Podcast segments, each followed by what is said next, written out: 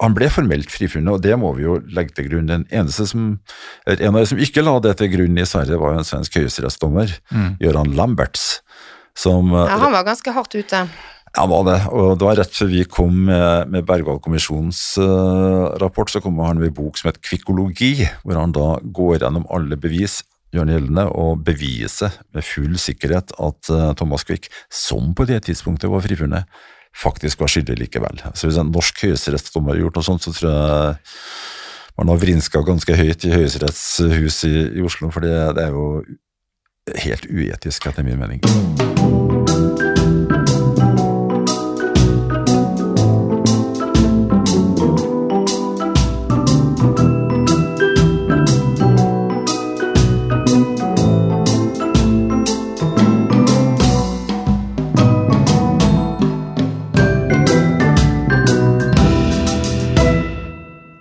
Det klart for en ny episode av Rett og slett, en podkast om det som er rett og det som er slett i vår rettsstat. Denne podkasten er sponset av Karnov juridisk forlag. Jeg heter Katrine Holta, og jeg er strafferettsforsker på Politihøgskolen. Dette er den tredje og siste episoden om Thomas Quick-saken, og jeg har med meg tidligere dommer Tor Langbakk og avhørsekspert Asbjørn Raklev i studio. Og eh, det jeg eh, har lyst til å starte litt med i dag, det er hvordan denne snuprosessen egentlig finner sted i Thomas Quick-saken. For frem til 2008 så tror jo alle at Thomas Quick er Nordens verste seriemorder. Så kommer det altså en journalist som heter Hannes Råstam, eh, og han gjør et eh, viktig journalistisk arbeid. Han får også til eh, et møte med Thomas Quick. Thomas Quick har ikke hatt ønsket å snakke med journalister og isolert seg på, i, på Sæter siden 2001, og i 2008, eller kanskje det allerede i 2007, men rundt den tiden der så eh, aksepterer han eh, et, altså at eh, Hannes Råstam skal kunne komme til Sæter og intervjue han om, eh, om, alle disse tilståelsene som han tidligere da har, har kommet med. Eh, og det ender jo med at eh, Hannes Råstam på vegne av svenske televisjon lager en dokumentar der Thomas Quick, nå Sture Bergwall, innrømmer at han har tilstått falskt alle de mordene han har begått, og alle de andre drapene også. Eh, jeg sier innrømmer fordi at det er i dag bredt anerkjent at han ikke har gjort det, men jeg får likevel ta et lite forbehold eh, her. Men han er altså frikjent for dette og skal regnes som uskyldig. Asbjørn Raklev, Hvilken betydning hadde Hannes Råstams arbeid for at uh, folkeopinionen snudde i synet på hvem Thomas Quick var? Ja, det hadde jo si, avgjørende betydning, selvfølgelig. Eh, jeg er overbevist om at denne prosessen eh, med gjenopptakelsene og opplysningen av hva som faktisk skjedde under etterforskningen eh, av eh, eh, Sture Bergwall, Thomas Quick. På et eller annet tidspunkt så hadde det dukket opp. For det lå ulmet. Men da Råstam fikk Thomas Quick, Sture Bergwald, i tale og tilståelsene ble trukket, ja, så startet det en snøball å rulle som ikke stoppet eh, før eh, gjenopptakelsen var, uh, var, et faktum. så Råstads arbeidet var helt uvurderlig. Og ikke bare Råstad, men også Dan Josefsson, videre gravende journalist, som tok opp arbeidet etter at Råstam dessverre gikk bort med kreft. så de gravendes journalisters Eh, betydning eh, for gjenopptagelser eh, er ekstremt viktig, viser det seg. Dette, dette er jo ting vi kjenner igjen fra, fra, fra si, vårt eget rettssamfunn også.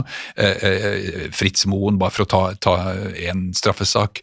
altså Uten Tore Sandbergs nitidige arbeid, så hadde jo kanskje Fritz aldri opplevd å få bevisst sin uskyld. Um, så nei, gravende journalister som kommer fra utsiden uh, og ikke er redde for å tråkke uh, verken politi, påtalemyndighet eller domstolene på tærne, uh, det det er en viktig rettssikkerhetsgaranti som, eh, ja, som vi har. Og her kan jeg jo eh, anbefale alle lytterne av rett og slett å gå inn og leie filmen om, som heter Kvikk. Det er en spillefilm som jeg har forstått at det er relativt uh, gjengir relativt riktig hva som skjedde, som handler om hans Råstam og hans arbeid opp mot Kvikk, og, og, den dokumentaren som da til slutt blir vist på SVT. Og den dokumentaren fra virkeligheten, altså, den ligger også tilgjengelig på YouTube. Men eh, en viktig del av det arbeidet, altså en viktig forutsetning for at uh, Hannes Råstam kunne gjøre den jobben han gjorde, det var vel kanskje det at man har dokumentinnsyn i etterforskningsdokumentene i Sverige, kanskje i større grad enn i Norge. Er det, det er noe som du vil kommentere på, Tor? Jeg skal ikke si hvordan eh, regel, regelverket i Sverige, men faktisk fikk man i hvert fall tilgang, og jeg tror det også blir eh, det ser ut som det blir sånn i Norge også. Du Asbjørn fikk vel tilgang til mye i den Silje-saken fra Trondheim f.eks. Så jeg tror holdninga har blitt at man har blitt mer eh, komfortabel med å bli sett i kortene. Eh, svenske medier hadde jo ikke gjort jobben sin. Eh, men før Råstam, jeg har lyst til å si det, for det kom en artikkel i Dagens Nyheter 10.11. 2001 med tittelen 'Sirkus Kvikk en rettsskandale'. Og Det var det som utløste at Kvikk nå ikke lenger ville snakke med noen. Altså Hvis det var sånn det skulle være, at noen dro hans ord i tvil, skulle hun jammen ikke snakke med noen. Men det, det arbeidet Hannes Råstam gjorde, eh, og Josefsson etterpå, var helt viktig og helt sentralt. Altså Jeg er helt enig med alt Asbjørn sier om betydninga av at man er åpen og tillater kritikk og innsyn i det som har foregått. Da, som, ja. Jeg skal bare si en ting til. fordi at, eh, at, eh, Vi vet jo hva politiet har gjort. Det vi vet lite om, er jo hva domstoler egentlig gjorde. Altså, Det ble jo tatt videoopptak av sakene, men den blir jo da kassert i Sverige rett etter at saken er avgjort. Blir ikke lagra. Sånn det, det, der måtte vi gå inn ganske indirekte for å få klarlagt hva som faktisk foregikk. Sånn er det jo i Norge i dag, og ingen aner jo i ettertid hva som har foregått i retten, for det blir jo ikke tatt opp på, på noe vis. Det er jo litt fantastisk i 2021 at det er slik, da. Helt vanvittig. Ja, ikke sant. Uh, men uh, etter denne dokumentaren ble avspilt, så får jo Sture Bergwall en ny forsvarer, Thomas Olsson, Eh, som blir da sentral med gjenopptakelsesarbeidet. Eh, og han klarer jo altså da å jobbe frem åtte gjenopptakelser. Det er jo, eh, det er jo ganske Imponerende, ikke det? Ja, imponerende. Vi har jo intervjua Olsson, og han er en liten terrier. Altså, han gikk jo inn i det her med stor økonomisk risiko. Han var ikke oppnevnt som forsvarer. fikk han ikke betalt? Fikk det etterpå, men ikke underveis. Så han tok en sak og jobba seg gjennom den, og etter hvert så, så, ble det jo betalt. Da. Så han gjorde et fantastisk arbeid med en stor risiko. Nå Det svenske systemet for gjenopptakelse er jo sånn som det var i Norge i gamle dager. Altså Det er domstolene selv som avgjør om en sak skal gjenopptas eller ikke. Sånn var det i Norge fram til 2004, da vi fikk gjenopptakelseskommisjonen. Vi foreslo jo i utvalget at man burde kanskje se på et annet system. Det kom jo mye kritikk mot at domstolene var veldig tilbakeholdne med gjenopptakelse i, i, Norge, og det var en helt riktig kritikk. Og sånn er det jo i Sverige. Altså, det var ikke mange saker som ble tatt opp på nytt igjen der. Og det at Olsson fikk opp åtte, var jo helt i strid med all uh, svensk statistikk, egentlig. Ja, for var ikke det liksom før det Jeg syns jeg leste et sted at det bare var gjenopptatt fire saker? Ja, det var på det nivået, ikke sant. Og nå har du en gjenopptakelseskommisjon i, i, Norge som kanskje gjenopptar 20-25 saker i året, eller jeg husker ikke tallet, men det er på et helt annet nivå enn det også var i norske domstoler før vi fikk kommisjonen. Så det er et helt viktig sånn strukturelt grep for å styrke rettssikkerheten hadde jo vært om man i Sverige har fått fått en slik kommisjon. Så vidt jeg forstår, så har man ikke fått det ennå. Nei, for det er rettssystemet konserverende? Det er klart det er det, Og jeg kan spørre hvorfor egentlig, men om det er det at man Ok, mine kolleger har gjort sånn og sånn, det er sikkert riktig, jeg tror ikke det er så enkelt. Men det er noe med å være uavhengig er i en del sammenhenger en ganske viktig egenskap. altså. Eh, at forsvarere er uavhengig er viktig, dommere er på sett og vis også viktig, men at du har en en ekstern mulighet for å vurdere gjenopptakelse, det tror jeg er uh, et godt sånn strukturelt grep. Mm. Ja um, mm. Ja, det, det, det, er jo mange ting Tor, jeg vil gjerne spørre deg, for jeg tror, du har, jeg tror du har dypere innsikt enn det jeg har i det arbeidet som da etter hvert påhvilte svenske påtalemyndigheter. For når da forsvareren til Thomas Quick eh, skrev sine prosesskriv og, og, og, og ba om eh, Ja, eller han forlangte vel at klienten eh, skulle bli frifunnet, eh, så, så ble jo svenske påtalemyndighet koblet på. Uh, og det ble jo aldri noen nye rettssaker uh, etter påtalemyndighetens arbeider. Snarere tvert imot så ble det vel slik at uh, de rett og slett trakk tiltalene. Det ble for så vidt rettssaker i den forstand at sakene ble brakt inn for retten, som mm. da ikke fikk noe bevisførsel, men sa ja takk og amen til det mm. som ble foreslått fra påtalemyndigheten, som var at han skulle frifinnes. Men det er jo viktig å si det at påtalemyndigheten for det første skal jo være objektiv. Og det ble jo iverksatt et betydelig arbeid med gjennomgang av dokumenter, ny etterforskning på ulike vis, eh, før påtalemyndigheten tok stilling. Og det var også sånn at det var ikke én person i påtalemyndigheten der det ble fordelt på flere. Eh, både fordi det var mye arbeid, men også for å få ulike synspunkter inn i sluttvurderinga. Og det var selvstendige vurderinger likevel som ble foretatt i, i, i hver sak. Og det var jo litt av kritikken fra, fra, eh, noen hold etterpå, da, at her har jo ikke retten prøvd ting på nytt på ordentlig vis. Og hvorfor ikke? Jo, det er jo slik i Sverige som i Norge at hvis påtalemyndigheten mener at det her kan vi ikke føre bevis for, så skal man jo ikke reise en sak. Og det var jo det, vi intervjua jo flere av de, de påtalefolka i Sverige som sa det at vi har gått gjennom det her, vi ser at vi har jo egentlig ikke bevis for at han har gjort noen ting. Og da er det vår plikt å trekke saken. Så kan man ha sagt at for ettertidens opplysning så burde man ha brakt saken inn, kjørt full bevisførsel, men det har det for det første vært eh, helt feil eh, profesjonsetisk, og for det andre helt meningsløst, for man har visst jo at resultatet kom til å bli at, eh, at han ble frifunnet. Så, så han ble formelt frifunnet, og det må vi jo legge til grunn. Den eneste som, En av de som ikke la det til grunn i Sverige, var jo en svensk høyesterettsdommer, mm. Göran Lamberts som, ja, han var ganske hardt ute. Ja, han var det. Og det var rett før vi kom med, med Bergwall-kommisjonens uh, rapport, så kom han med en bok som het Kvikologi, hvor han da går gjennom alle bevis gjør gjeldende og beviser med full sikkerhet at uh, Thomas Quick, som på det tidspunktet var frifunnet, faktisk var skyldig likevel. Så Hvis en norsk høyesterettsdommer har gjort noe sånt, så tror jeg man har vrinska ganske høyt i Høyesterettshuset i, i Oslo, for det, det er jo helt uetisk, etter min mening. Men, men, men, hvordan er det han argumenterer for den skylden, da? For å si det veldig enkelt, han bygde jo gjerne på sluttforklaringene til Thomas Quick, og sammenholdt det med de faktiske funnene. Og sluttforklaringene til Thomas Quick var ofte veldig i samsvar med hva som faktisk har skjedd. Ja, det er en veldig interessant historie der med Gøran eh, Lamberts, selvfølgelig.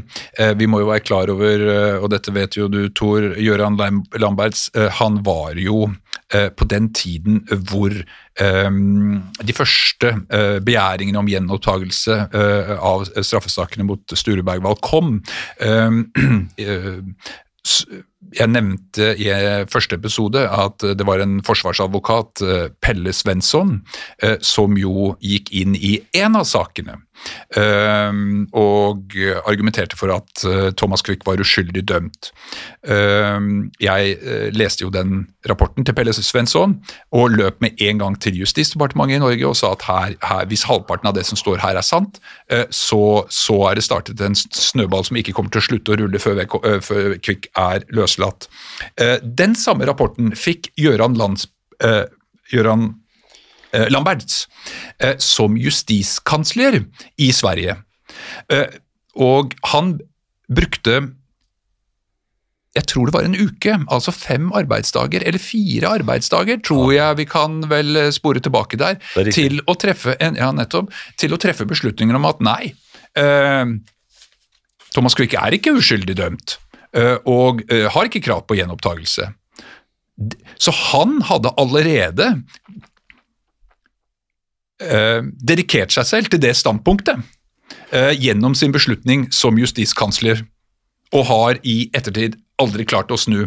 Eh, snarere tvert imot, boken du nevner, Kvikologi, der konkluderer han jo med at eh, var det 183 eh, sannsynlig at, at Thomas Quick var skyldig. Hvilket beviser at han iallfall ikke kan matematikk. Men ja, det er vel litt verre enn det du sa, tror jeg faktisk. Jeg innbiller meg å ha registrert at det antallet sider i saksdokumentene som ble presentert for justiskansleren, da er jo oppe i 20 000 sider. Noe sånt. Altså et materiale som det er umulig å gjennomgå på de fire-fem arbeidsdagene som er der. Ja. Men var ikke det også denne likhunden, denne Sampo, som, uh, som, markerte her og der? Det har jo jeg hørt uh, han snakke om uh, på TV, at det, det, det, tar han som et sterkt argument. Ja, Jan Guillou skrev en liten kronikk i svensk avis med Dagens Nyheter om likhunden Sampo, som fikk mm. sitt rykte fullstendig ødelagt av å bli dratt inn i saken der og halt rundt i Norden og snus på bålrester og hvor det enn skulle være. Eh, Sampo fant, fant, masse interessant, men fant dessverre ingenting av betydning for saken. Nei. Så, så Var det Sampo som fant den der eh, såkalte beinbiten i Therese-saken? Altså for det, her er òg en viktig ting som vi ikke har vært så, på, vært så mye inne på, er jo at i um, Therese-saken og etterforskningen der, sant, så har man jo da uh, funnet til slutt en, en, en såkalt beinbit som sakkyndige har ment at tilhører et uh, menneske. Og, og, dette blir liksom det ene tekniske funnet i hele sakskomplekset, og som, som på en måte denne, denne, ene beinbiten blir på en måte det som bekrefter at alt det andre stemmer, selv om det var så mye uoverensstemmelse. ikke sant? Og så kommer det da frem i ettertid at når dette ble analysert på nytt, at det var en, nei, det var, det var en trebit med lim i. Ja, det her er ikke på en måte norsk rettsmedisins uh, høydepunkt, da. Fordi eh, det ble jo funnet Det var flere ting, egentlig, men, men det ble konstatert av norske uh, rettsmedisiner at det her var, var humant materiale, benbit. og Rettsmedisinske kommisjon, som da skulle ta stilling til det, hadde jo ingen kompetanse på det her, så det kom, ble vel engasjert en tysk såkalt ekspert som til og med sa at det var en benbit fra et ungt menneske. Mm. Uh, nå har jeg her undersøkt av to, det svenske kriminaltekniske laboratoriet og et annet svensk laboratorium, som sier de at det her var det, eller hundtonitt eller noe i den retninga. Altså, I hvert fall ikke ben. Og Der svikta både kommisjonen og norsk rettsmedisinsk eh, sakkyndighet. Og det er stort sett det eneste såkalte tekniske beviset som eksisterte i saken. Mm. Ja, og så Thereses eksem. Altså, um, det blir jo et begrep rett og slett i den norske rapporten, Asbjørn. Eh, dere eh, bruker vel altså gjør det til en overskrift i det ene kapittelet. Vil, vil, du forklare, hva, hva, var greien med Thereses eksem, hvorfor, og hvorfor ble det på en måte et slags symbol for, for det som gikk galt? Årsaken til at vi eh, tok tak i Thereses eksem som bevis, det var fordi det var fremhevet i dommen mot Thomas Quick eh, som det, et av to helt sentrale bevis. Eh, og da ville vi utfordre oss selv. Eh, for å være så eh, ærlig at jeg ville utfordre meg selv. Og jeg sa at ok, dette beviset har domstolene i Sverige vektlagt som det viktigste beviset for at Thomas Quicks tilståelser er sanne. Ja vel, da må jeg inn i det. Og så startet vi våre analyser av hvordan Thomas Quick til slutt, igjen i teaterforestillingen under hovedforhandlingene, kunne beskrive Thereses atopiske eksem med pinlig nøyaktighet for dommerne, og han ble dømt. Og det gjorde jo sterkt inntrykk på dommerne i Sverige. Eh, derfor så nevner de eh, eksembeviset to ganger i eh, sine premisser for domfellelsen. Fordi det du er inne på nå, er jo dette her med å ha unik informasjon. Altså at, at han kunne oppgi informasjon, mente man, som var unik, som bare en gjerningsperson ville visst om. Og denne eksemen blir jo på en måte selve kulminasjonen av denne unik informasjonsteorien, da, som på en måte ble en veldig For også i Sverige og det svenske politiet, de var jo Altså, de, de visste jo at en, du kan ikke bare ha en tilståelse, den må jo underbygges av noe. Og, og, nettopp det man underbygget det med, var å peke på at dette her visste Thomas Quick, det eh, ville bare drapsmannen visst. Det er helt riktig. Eh, og eh, som sagt, eh, da eh, vi den utfordringen i den norske arbeidsgruppen, uh, gjenopptagelses, eller altså i granskningen der, og, og startet uh, det vi kaller en arnestedsanalyse, altså en bevispraktisk øvelse om nettopp dette beviset eh, om Thereses eksem, altså som, som, domstolene og politi- og påtalemyndigheten mente at eh, var et sikkert bevis for at Thomas Quick må ha snakket sant da han fortalte at han drepte Therese, fordi han hadde unik informasjon nettopp eh, og kunne beskrive hennes atopiske eksem. Vel, eh, så var det jo vår oppgave da å analysere det beviset, altså en bevisanalyse. Og da, eh, da, må man bare gå metodisk til verks og starte eh, med eh, arnestedet, som vi kaller det. Eh, hvor oppsto opplysningene om eksemet første gang? Hvordan, og har det utviklet seg, osv. Og, så og i akkurat på akkurat samme måte som i de andre sakene, som vi nevnte jo i tidligere episoder om operasjonsarret til Johan, denne svenske gutten, som eh, gjennom 17 avhør forandret seg fra et operasjonsarr på magen, eh, flyttet seg over på ryggen og ble til slutt et fødselsmerke, som nå stemte. Ja, hvordan var det med eh, Thereses atopiske eksem?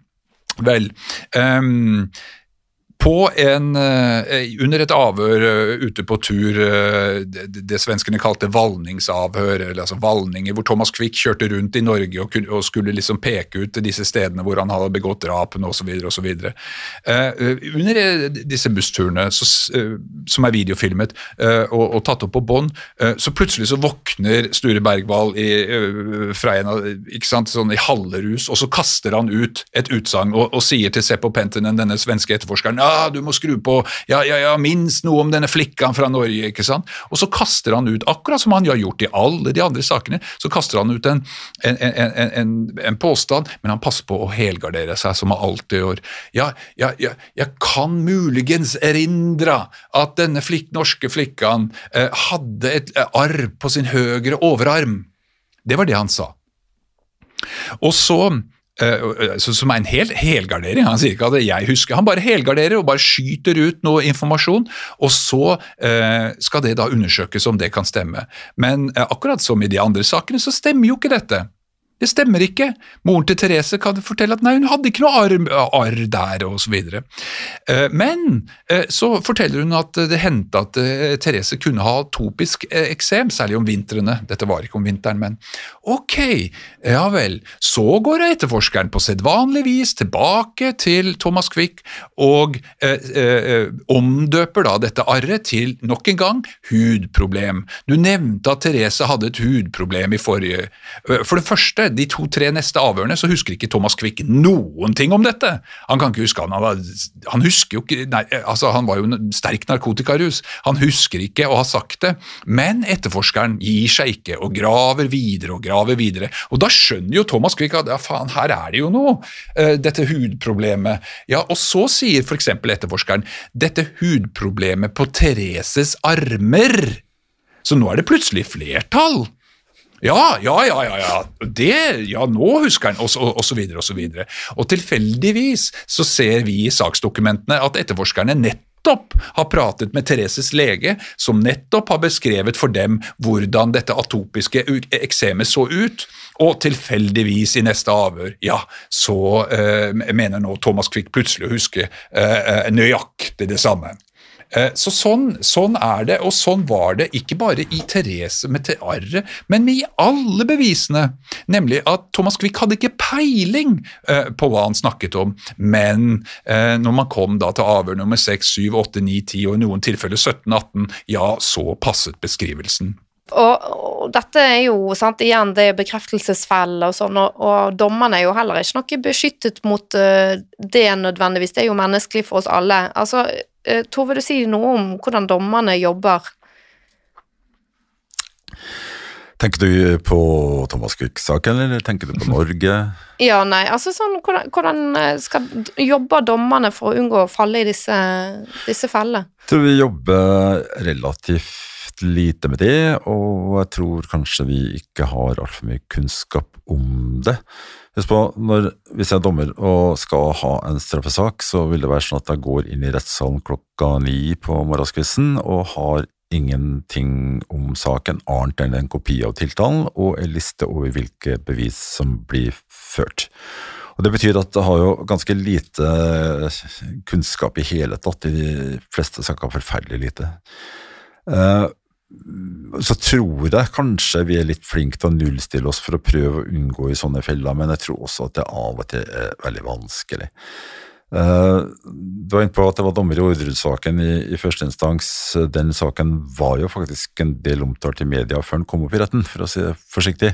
Mm. Og så kan vi si at ja, men la meg ikke påvirke av ting som står i media, og det håper jeg virkelig ikke var, da, men vi har en meddommere med her som har lest uh, om saken i flere år, og som er fra distriktet, ikke sant.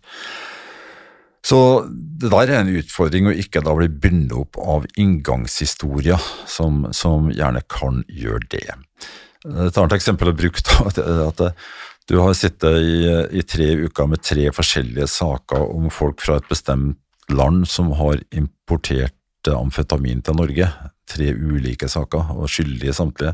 Og uke fire kommer det en ny kar fra Litauen som er tiltalt for å ha importert amfetamin da skal du jobbe litt med å nullstille deg, ikke sant. Det, det er vanskelig. Mm. Så, så, jeg tror ikke jobber særlig bevisst med det, men jeg tror nok at det ligger ganske sånn dypt i selve dommerrolletankegangen, at vi, vi, prøver å ta hver sak unikt for det den er. Hva vet man forskningsmessig om hva som foregår i hodet til en dommer, og da er svaret mitt at det vet man forferdelig lite om. Eh, han, eh, Øyvind Kolflat, som du nevnte uh, i forrige episode, jeg, har jo faktisk vært til stede på domskonferanser i lagmannsretten og, og hørt diskusjon, i hvert fall. Og har faktisk skrevet en veldig god bok om det. Men ellers altså, Jeg har vært dommer i mange år, jobba i rettsvesenet egentlig siden 1981, og har knapt nok sett en forsker der. Det vi får av og til, da, det er spørreskjema om et eller annet med en svarprosent kanskje på 18, da, fordi vi har mye annet å gjøre. Og jeg har sett på hva som egentlig foregår i domstolene. Nærmest som et hvitt kart på et forskningsmessig terreng. Man kan alltids, og det er jo noen som gjør, sitte i rettssalen og registrere ting og skrive bøker og artikler ut ifra det. Eh, noen analyserer dommer, eh, mye rettsdogmatikk der, men også fra andre perspektiv. men jeg syns eh, ikke jeg har sett i den tida jeg har holdt med det her, det er jo stort sett hele mitt liv, at noen har kommet på innsida av hodet på dommere og egentlig sagt noe veldig mye fornuftig om hva som skjer. Ja, dette syns jeg er utrolig interessant, uh, Tor. Uh, og jeg kommer jo fra politiet. Eh, vi er blitt underkastet ganske mye kritisk granskning, og i et internasjonalt perspektiv. Eh, eh, altså en, en hel verden av forskjell av det du beskriver, og jeg tror du har helt rett. Og dette må vi gjøre noe med. Men det var, dere nevnte tidligere at domstolsforhandlingene ikke tas opp på lyd og ikke bevares. Tas ikke på noen ting. Ja, men Det er jo helt vanvittig! Og, og, Nå skal jeg fortelle en historie fra innsiden. Jeg satt jo i Justisdepartementets lydopptaksprosjekt for politiavhør tilbake i, i år tusenskiftet. Vi hadde fem års prøveprosjekt fra 1998 til 2003, hvor vi jo konkluderte med at selvsagt så skal politiavhør tas opp på lyd, eventuelt video, hvis det er alvorlige eh, straffesaker. Selvsagt skal vi det. Fordelene er altså helt uomtvistelige. Samtidig som jeg og kolleger eh, på eh, oppdrag fra Justisdepartementet undersøkte behovet for lydopptak av politiavhør, slik alle forskere eh, i alle tider har, foreslått for å utvikle politiets avhørsmetoder. Ja, Samtidig med dette prosjektet så foregikk det et lydopptaksprosjekt også i domstolene. Eh, der var det en privat eh, aktør, Knoff, eh, som var engasjert for å undersøke muligheten for det. Og jeg leste jo med interesse Knoffs, altså denne privat engasjerte utrederen, og jeg så at her kom jo alle fordelene ble jo ramset opp, også for domstolene. Men så kom konklusjonen! Og de skulle ikke bruke det allikevel. Jeg forsto ingenting. Og hvor, det er klart det at det, eh, eh, ved å åpne for lydopptak, eh, så åpner de også for eh, forskning eh, på en helt annen måte, for da er jo, da er jo forhandlingene bevart. Altså Dataen er jo sikret. Um, og eh, nei, jeg håper virkelig nå at, eh, at vi får litt mer forskning på hvordan jurister, enten det er dommere eller påtalemyndigheten, faktisk går frem når de vurderer bevis. Det vet vi ingenting om. Nei, det er helt riktig. Og, bare for å ta tak i det med opptak, det er jo, det er jo lovfesta for lang tid tilbake at dette skal tas opp i sivile saker. Det er vel ikke en lovhjemmel nå tror jeg, for straffesaker, men det koster jo noen kroner, da. Nå er det litt på gang, altså, men det har jo Mm. gått veldig, veldig mange år. Men en liten ting her er jo hvorfor gjør vi det? Og det så vi jo i Sverige. Der har man jo i mange år tatt opp forhandlingene, Mm. men det destrueres altså etter at dommen er rettskraftig. Og dermed ryker jo forskningsbiten. Ja, ja, ja, ja, og jeg vil jo si at rettssikkerheten går med i dass samtidig, for, for det er klart at vi, det er jo ganske mange straffesaker vi ser både 10 og 20 år etterpå at oi sann, Ja. eh, her skjedde det visst noe som, eh, som ikke ble oppdaget den gangen saken ble ført for retten. Eh, så um, nei, kan vi ikke bare forholde oss til vanlige håper jeg, riksarkiviske eh, eh, spilleregler, og, og jeg mener dette er jo digital informasjon, det, det er jo bare å lage på servere. Eh, I gamle dager var det problem med, opp, med, oppbevaring av lydopptaksteiper og videokassetter osv., men, men det er det jo ikke i dag. Vi fikk jo tatt opp eh, 22. juli-saken, Mm. men det var av historiske årsaker, rett og slett. Og Mm. den er vel klausulert på 50 år eller noe sånt i, i Riksarkivet. Og klausulert betyr? At man ikke får lov, å- ikke får lov å se på det. Mm. Ganske Um, vi nærmer oss uh, at vi går tom for studiotid, rett og slett. Uh, men eh, det er én ting jeg lurer på som jeg syns er veldig viktig, og dere skal også få komme med dere siste Det som dere har brent inne med. Men i denne norske rapporten Asbjørn, så skriver dere at eh, Eller dere viser til forskning som anbefaler strafferettspleien å lære mer av medisinen og luftfarten. Eh, og det knytter seg jo da til man hvordan man forholder seg som institusjoner, antar jeg, til eh, eller organisasjoner til eh, feil som blir oppdaget eller avdekket. Hva, hva er det vi kan lære av eh, medisinen og luftfarten? Eh, ja, la oss ta særlig medisin først. Vi skal ikke så langt tilbake i, i tid, altså noen, noen tiår selvfølgelig, men, men det, det er ikke så langt tilbake i tid hvor det var nærmest farlig å bli lagt inn på sykehusene. Det var jo der smitten var, og, og legene gjorde så godt de kunne, men, men hadde ikke all verden av, av kunnskap om, om, om øh, kroppen og, og, og viruser og, og, og så videre. Men se hvor vi er i dag. Se hvor medisin står i dag. Eh, og, og hva skyldes det? Det skyldes jo forskning. Kritisk granskning. Forskning. Undersøkelses, empiriske, dokumenterte undersøkelser som flytter faget, metoder, hjelp, tekniske hjelpemidler osv. osv. Eh, Vi har startet i utviklingen av norsk politi eh, eh, med og og dedikert oss til en forskningsfundert utvikling, der vi skal ta nytte av vitnepsykologi osv. Og, og, og metodene våre skal springe ut fra den kunnskapen som ligger til grunn for vitnepsykologisk forskning, beslutningspsykologisk forskning osv. Og, Og med det så utvikler det seg metoder som er forskningsfunderte. Eh, De vil aldri bli perfekte, men eh, feilkildene som vi oppdager i ulike saker, vil straks analyseres og se om det er alternativer, og ikke minst hva var det som forårsaket dem, osv. Så, videre. så svaret er forskning. Og faktisk ta lærdom av sine eh, feil. Eh, men, men, men, men det krever jo at vi åpner opp for forskning. Eh, og, og, og eh, som sagt, eh, tilbake til det at eh, knyttet til bevisvurdering, som, som Thor her sier, det er ingen forskere som, ja, med få unntak, da, eh, som, som, som har interessert seg for, eh, for hvordan påtalemyndigheten faktisk vurderer bevis, eh, hvordan de faktisk går fram. Eh, så, så det er svaret mitt. Hva, hva med luftfarten, da? Altså, jeg, har, det jeg har hørt om dette, at det handler om på en måte å, å forstå feilet i kontekst av system, at man tenker på Ja. det som organizational accident, som dere skriver om i rapporten. Ja, det er helt riktig, og det er klart at i luftfarten så har man jo en nullvisjon. Altså, vi skal et fly skal ikke dette ned. Eh, og, og, eh, med tanke på rettssikkerhet, altså uskyldige mennesker skal jo ikke dømmes. Så hvis det er utgangspunktet, så må vi gjøre alt vi kan for A. å identifisere justisfeilene. Må, det krever åpenhet, og, det kan være smertefulle prosesser. Men vi kan jo ikke treffe tiltak for å utbedre systemene hvis ikke vi identifiserer feilene. Så det er første skritt på veien. Og så må det treffes forskningsfunderte mottiltak eh, til eh, eh, feilene.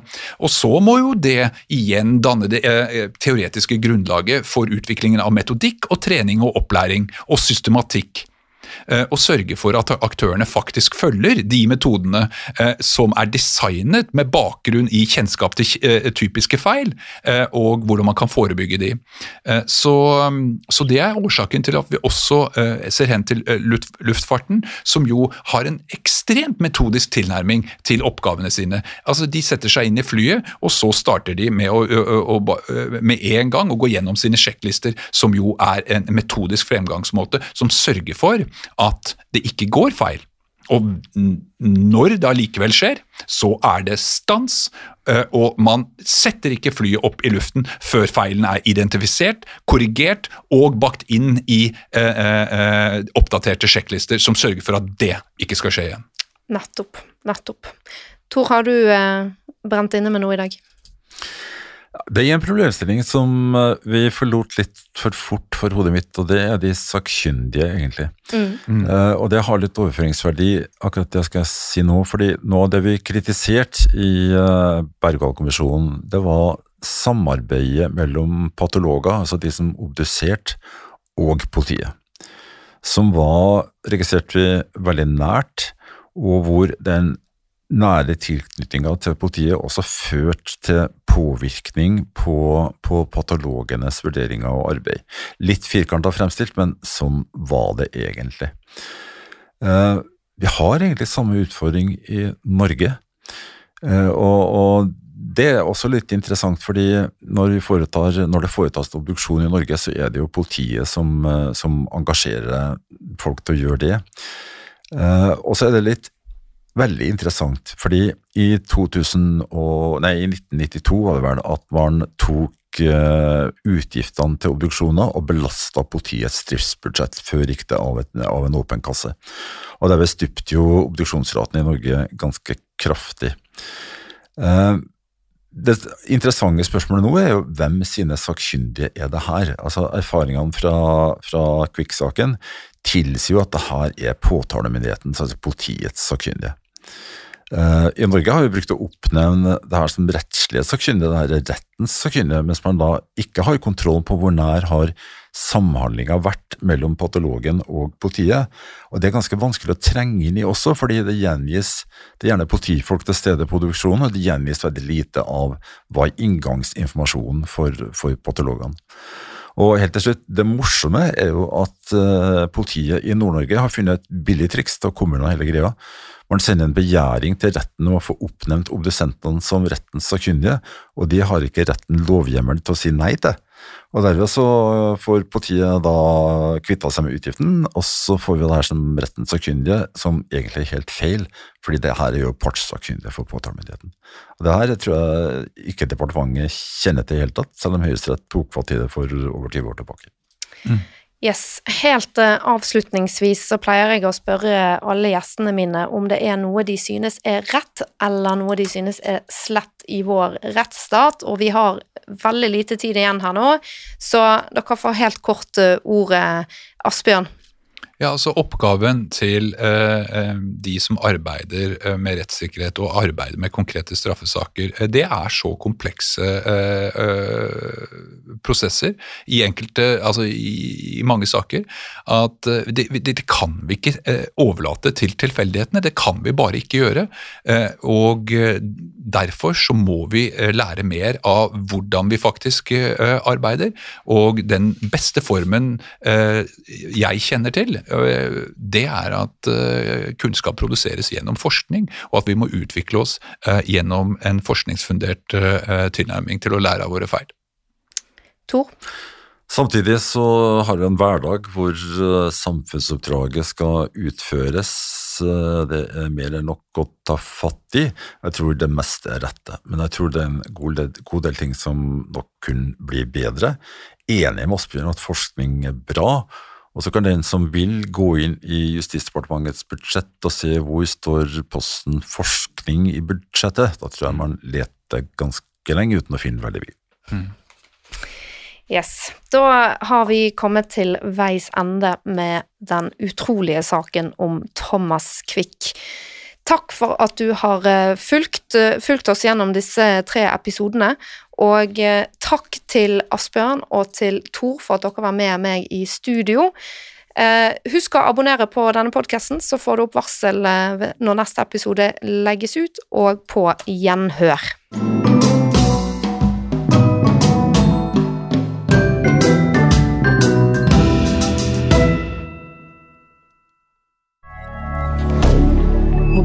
Moderne media.